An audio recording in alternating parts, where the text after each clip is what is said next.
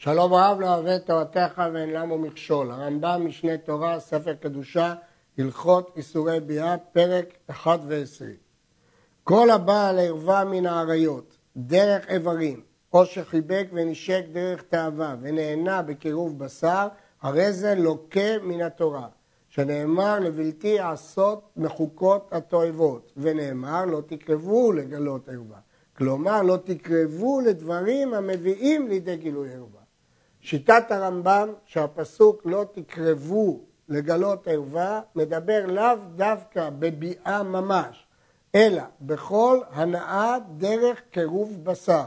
כל הנאה דרך קירוב בשר מן האריות זה לאו דאורייתא לפי הרמב"ם והוא לוקה. הרמב"ן חולק עליו וסובר שאין איסור מהתורה אלא בעילה וכל הדוגמאות שהביא הרמב"ם פה זה רק מדברי סופרים. אבל שיטת הרמב"ם שאם יש הנאה בקירוב בשר מאריות ממש זה איסור תורה. והעושה דבר מחוקות אלו הרי הוא חשוד על האריות.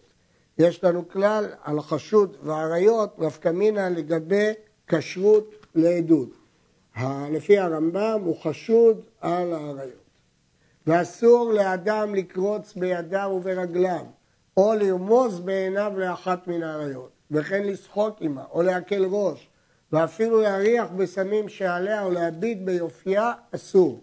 ומקין המתכוון לדבר זה, מכת מרדות. והמסתכל אפילו באצבע הקטנה של אישה ונתכוון לענות, כמי שנסתכל במקום התורף. ואפילו לשמוע כל הערווה או לראות שערה, אסור.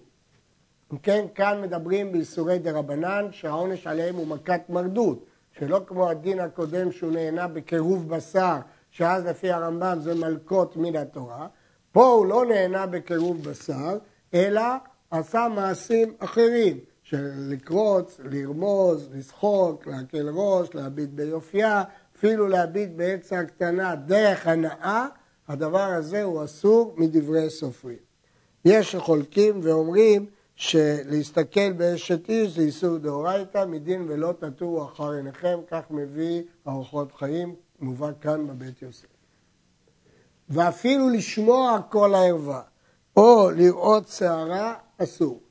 הרמב"ם מפרש כל באישה ערווה, שיער באישה ערווה, הכוונה היא שאם הוא מתכוון לשמוע כדי ליהנות מקולה או משערה, גם זה אסור מדברי סופרים. וכל הדברים האלו אסורים בחייבי לווין, לא רק באריות ממש, גם בחייבי לווין אסור.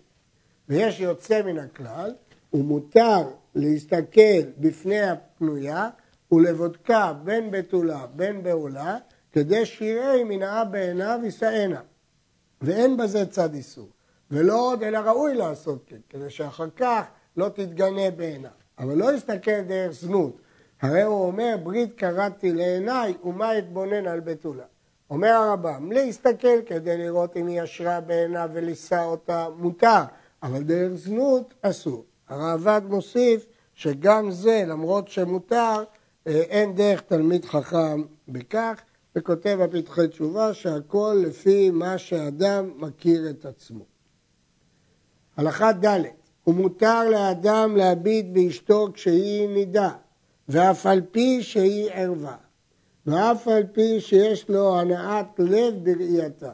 הואיל והיא מותרת לו לאחר זמן, אינו בא בזה לידי מכשול. למרות שכל האיסורים שאמרנו קודם, ושמא יבוא עליה, אם כן בנידה שאסור לבוא עליה, למה הקלו בדברים הללו? כי פת בסלו, היא מותרת לו לאחר זמן. וכיוון שהיא מותרת לו לאחר זמן, הוא לא יבוא לידי מכשול. אבל לא ישחוק ולא יקל ראש עמה יותר, כי ירגיל לעבירה. הרב עד מאיר שכמובן שאסור להסתכל במקום הסתר שלה. כמובן שגם הרמב"ם יודע לך, כפי שהמגיד משנה מאיר פה. לגבי השאלה אם זה מקומות שבדרך כלל היא רגילה לכסותם, האם גם זה אסור, עיין בבית שמואל פה באבן העזר. אסור להשתמש באישה כלל, בין גדולה, בין קטנה, בין שפחה, בין משוחררת, שמא יבוא לידי הרהור. באיזה שימוש אמרו? רחיצת פניו, ידיו ורגליו, והצהרת המיטה בפניו ומזיגת הכוס, שאין עושה לאיש דברים אלו, אלא אשתו בלבד. זה שימוש אינטימי, אישי, של קירוב, הדבר הזה רק לאשתו. ואין שואלים בשלום אישה כלל, אפילו על ידי שליח. אפילו על ידי שליח אסור אה, לשאול בשלום אישה. כותב פה המגיד משנה בשם הגמרא במסכת בבא מציאה, ששם כתוב שואלים לאיש בשלום אשתו, ותרצו לדרוש שלומה ולשאול עניינה, מותר לומר לבעלה, אבל לשלוח לשלום אפילו על ידי בעלה אסור. כלומר, מותר לשאול אותו בשלום אשתו, אבל לא לשלוח לה שלום, אפילו על ידי בעלה.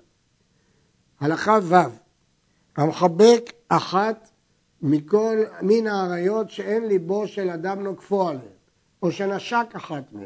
כלומר, יש פה קירוב בשר, אבל אין פה הנאה. כגון אחותו הגדולה ואחות אמו וכיוצא בהם, שהם ערווה ממש, אף על פי שאין שם תאווה ולא הנאה כלל, הרי זה מגונה ביותר, ודבר זה אסור הוא מעשה טיפשים שאין קרבים לערווה כלל בין גדולה בין קטנה חוץ מהם לבנה ואב לביתו. אומר הרב, למרות שאין הנאה ולמרות שאין ליבו נוקפו, זה מגונה, אסור, וזה מעשה טיפשים. הריטב"א אומר שהכל תלוי במה שהאדם מכיר את עצמו בזה. הלכה ז' כיצד אמרנו שהאם לבנה והאב לבנו, האב לביתו מותר? יש מגבלה. מותר האב לחבק ביתו ולנשקה ותישן עמו בקירוב בשר וכן האם ימנע כל זמן שהם קטנים. הגדילו ונעשה הבן גדול והבת גדולה עד שהוא שדיים נכון ובשרך צימח, זה ישן בכסותו והיא ישנה בכסותה. ואם הייתה הבת בושה לעמוד בפני אבי הערומה או שנישאת, וכן אם האם בושה לעמוד בפני הערומה אף על פי שהם קטנים, שהגיעו להיכלם מהם, אין ישנים עמהם אלא בכסותם. כלומר, אה, זאת המגבלה שכאשר ההתפתחות שלהם היא כזאת שהם כבר בושים, אסור. ח' נשים המסוללות זו בזו בקרבת בשר, אסור. ומעשה מצרים הוא שהוזהרנו עליו, שנאמר כמעשה ארץ מצרים לא תעשו. ואמרו חכמים מה היו עושים איש נושא איש ואישה נושא אישה ואישה נישאת לשני אנשים. אז אם כן כלול פה שאישה עם אישה בקירוב בשר זה מעשה ארץ מצרים. אף על פי שמעשה זה אסור, אין מלקים עליו. שאין בו לאו מיוחד והרי אין שם ביאה כלל. לפיכך, אין נאסרות לכהונה משום זנות. ולא תיאסר אישה על בעלה בזה שאין כאן זנות. וראוי להכותה מכת מרדות, הואיל ועשו איסור. ויש לאיש להקפיד על אשתו בדבר זה ולמנוע הנשים הידועות בכך ולהיכנס לה ומלצאת היא עליהם. אם כן, הרמב"ם פוסק שהיא לא אה, נפסלת לכהונה והיא לא נאסרת על בעלה, אבל מכים אותה מכת מרדות. הלכה ט' אשתו של אדם מותרת היא לו. לפיכך כל מה שאדם רוצה לעשות באשתו עושה, בועל בכל עת שירצה ומנשק בכל עבר שיצא, ובא עליה בין כדרכה ובין שלא כדרכה, בין דרך איברים, בלבד שלא יוציא שכבת זרע לבטלה. ואף על פי כן מידת חסידות שלא יקל אדם ראשו לכך ושיקדש עצמו בשעת תשמיש כמו שביארנו בהלכות דעות. ולא יסור מדרך העולם ומנהגו שאין דבר זה אלא כדי לפרוט ולרבות. הרמב"ם מבדיל בין עיקר הדין לבין מידת חסידות. עיקר הדין היא מותרת לו בשעה, ב, לכל דבר כפי שהוא פירט קודם. אבל מידת חסידות לקדש את עצמו בשעת תשמיש כפי שהרמב"ם יגיד בהמשך. מה שאמרנו שמעיקר הדין היא מותרת לבעול אותה בין כדרכה בין שלא כדרכה, קשה כיצד זה מותר, הרמב"ם מגביל כדי ש... בלבד שלא יוציא שכבת זרע לבטלה. ויש שאומרים, מחלקים בדרך אקראי לדרך קבע, שכל מה שהוא התיר פה זה דרך אקראי, כי הוא לא עושה את זה באופן קבע, כך כותב הראש. בכל אופן הרמב"ם מגביל את זה, ובלבד שלא יוציא שכבת זרע לבטלה. כל שאר הפרטים בהלכה הזאת מפורטים בבית יוסף כאן. אסור לאדם לשמש מיטתו לאור הנר. הרי שהייתה ליל שבת ולא היה לו בית אחר, אין לו חדר אחר, והיה הנר דולק, הרי זה לא ישמש כלל, אפילו שאין לו ברירה. וכן אסור לישראלי לשמש מיטתו ביום שעזות פנים היא. זאת חוצפה ולכן אסור. ואם מעניין שיש טעם אחר שכתוב שמא יראה בדבר מגונה ותתגנה עליו, אבל הרמב"ם נקט את הטעם שזאת חוצפה, עזות פנים היא. ואם היה תלמיד חכמים שאינו בא להימשך בכך, הרי זה מאפיל בטליתו ומשמש. ואין נזקקים לדבר זה אלא מפני צורך גדול. רק אם יש סיבה מאוד מאוד חשובה, סיבה רפואית או סיבה אחרת, אז התירו לתלמיד חכם להפעיל בטליתו. ודרך קדושה לשמש באמצע הלילה, שאז אין אנשים שעוברים בשוק ואין דעתו באחרות. הלכה י"א אין דעת חכמים נוחה ממי שהוא מרבה בתשמיש המיטה ויהיה מצוי אצל אשתו תמיד כתרנגול. הוא פגום מועד מאוד, הוא מעשה בורים. אלא כל הממעט בתשמיש הרי זה משובח, והוא שלא יבטל עונה אלא בדעת אשתו. חייב לה את עונתה, כפי שפירטנו כבר, והכל בהסכמתה. ולא תקנו בראשונה לבעלי קריין שלא יקראו בתורה מי שראה קרי עד שיתבלו, התקנה הראשונה של עזרא שאחר כך התבטלה, למה היא הייתה? אלא כדי למעט בתשמיש המיטה, כפי שמפורט, כדי שלא יהיו מצויים אצל נשותיהם כתרנגולים. וכן אסרו חכמים שישמש אדם מיתתו וליבו מחשב באישה אחרת, ולא יבעול מתוך שכרות, ולא מתוך מריבה, ולא מתוך שנאה, ולא יבוא עליה בעל כורחה ויראה ממנו, ולא כשיהיה אחד מהם מנודה, ולא יבוא עליה אחר שגמר בליבו לגרשה. ואם עשה כן, הבנים אינם הגונים, אלא מהם עזי פנים ומהם מורדים ופושעים. כי צריכה להיות מחשבה, מחשבת ביאה של קדושה. וכן אמרו חכמים שכל אישה חצופה, שהיא תובעת תשמיש בפיה, או המפתה אישה לשם נישואין, או המתכוון לבוא על רחל אשתו ובעליה אשתו, ומי שלא שעט אחר בעלה שלושה חודשים והרי הבן ספק, כל אלו הבנים הילודים מהם הם המורדים והפושעים שאיסורי הגלות בוררים אותם.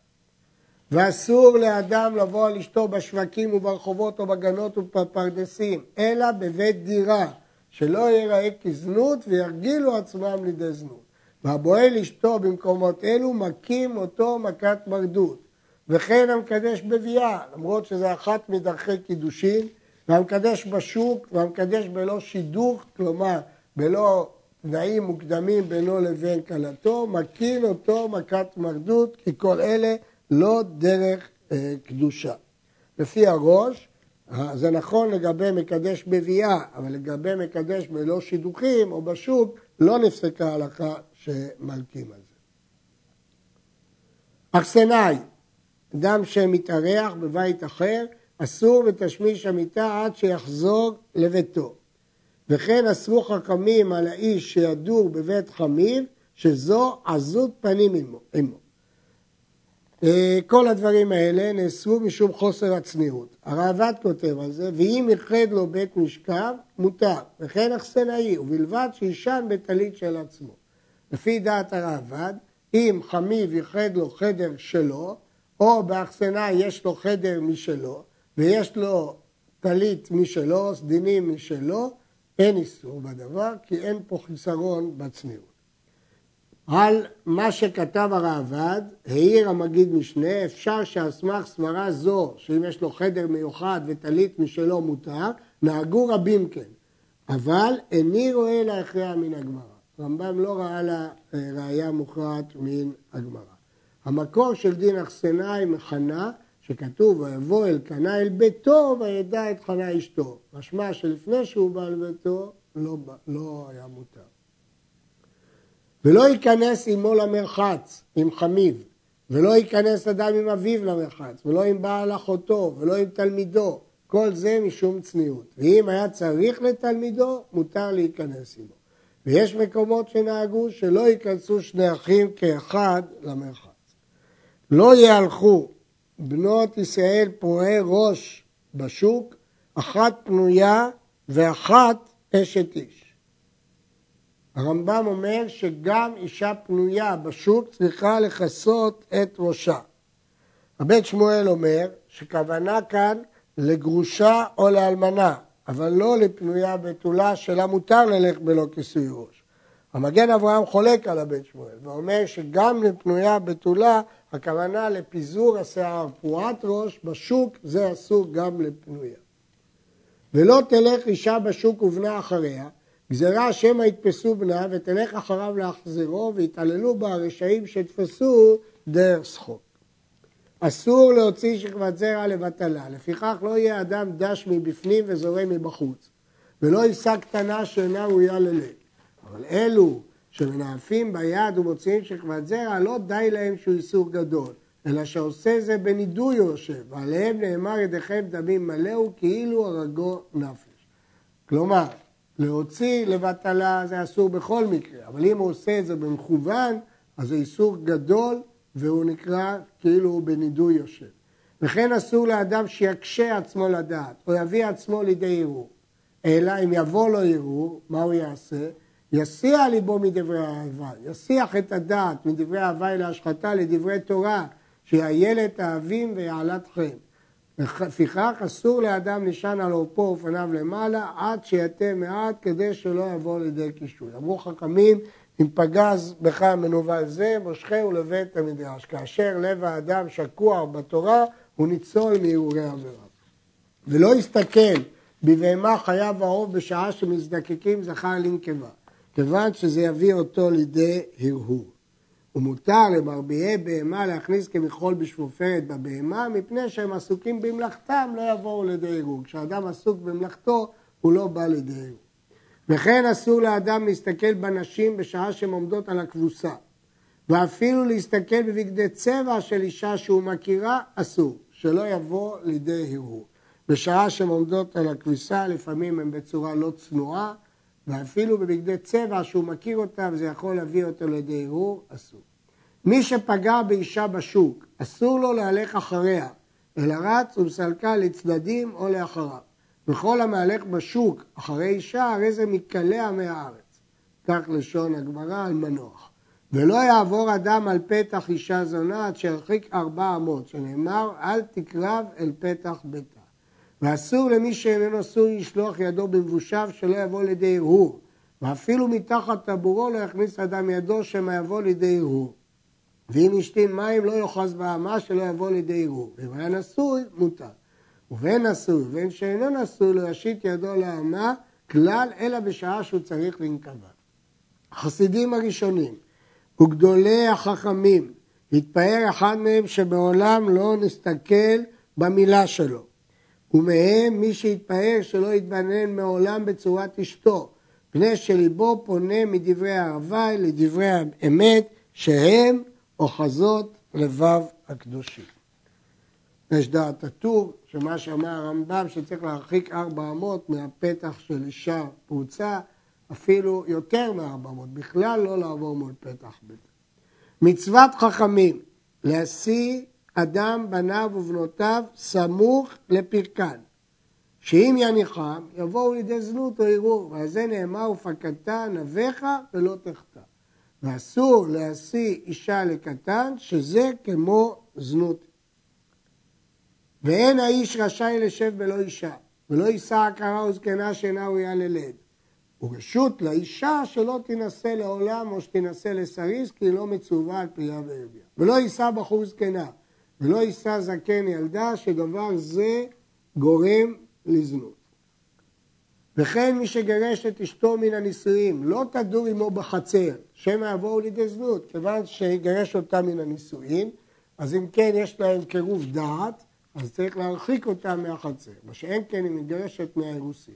ואם היה כהן לא תדעו עמו במבוי, לא רק בחצר, אלא בכל המבוי. וכפר קטן נידון כמבוי. היה לה מלווה אצלו, והוא צריך להתעסק איתה במשא ומתן, עושה שליח לטובו. וגרושה שבאה עם המגרש לדין, מנדים אותם, או מכים אותם מכת מרדות, כי הם צריכים לבוא על ידי שליח. ואם נתגרשה מן האירוסין, מותרת לטובו בדין ולדור עמו. ואם היה ליבו גס ואף מן האירוסין, אסור. ומי נדחית מפני מי? היא נדחית מפניו. ואם הייתה החצר שלה, הוא נדחה מפניה. אם החצר היא שלה, הוא צריך לעבור דירה, ואם בדרך כלל היא צריכה לעבור דירה. אסור לאדם שיישא אישה ודעתו לגרשה, שנאמר, אל תחרוש על רעך רעה והוא יושב לבטח איתך.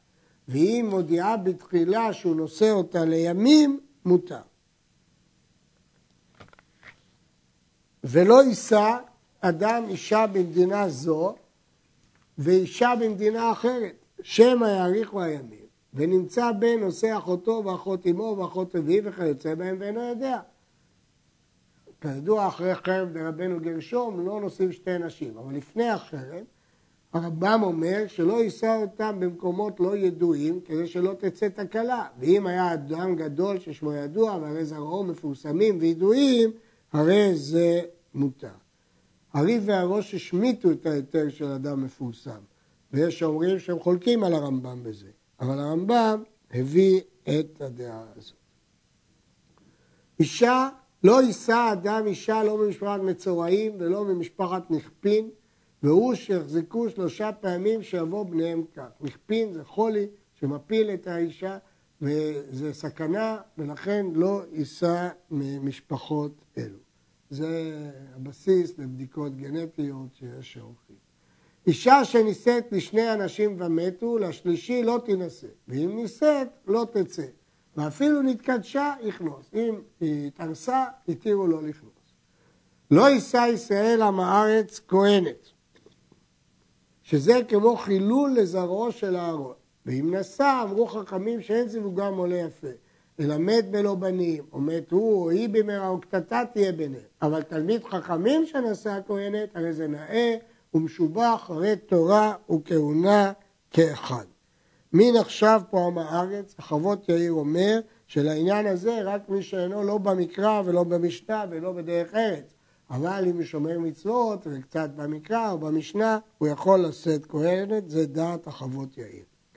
הראש חולק על הרמב"ם וסובר שאף בדיעבד, אם היא נישאת לשני אנשים ומתו, אף אם היא נישאת בדיעבד לשלישי תצא. אבל לפי דעת הרמב"ם אין להוסיף על תקנות חכמים מדעתנו, ולכן רק לכתחילה לא תצא, ובדיעבד, אה, רק לכתחילה לא תינשא, ובדיעבד אם נישאת לא תצא. לא יישא אדם בת עם הארץ, שאם מת וגלה, בניו עמי הארץ יהיו, שאין עמם יודעת כתר התורה. ולא ישיא ביתו לעם הארץ, שכל הנותן ביתו לעם הארץ כמי שכפתה ונתנה לפני ערים, מכה ובועל ואין לו בושת פנים. ולעולם ימכור אדם כל מה שיש לו, ויישא בת תלמיד חכמים, שאם מת או גולה, בניו תלמידי חכמים. וכן ישיא ביתו לתלמיד חכמים, שאין דבר מגונה ולא מריבה בביתו של תלמיד חכמים.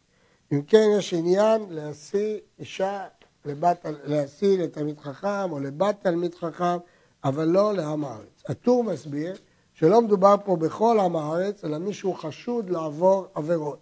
הפתחי, להכעיס, הפתחי תשובה מדייק ברש"י שאם בת עם הארץ מבינה את מעלת לימוד התורה, מותר אותה.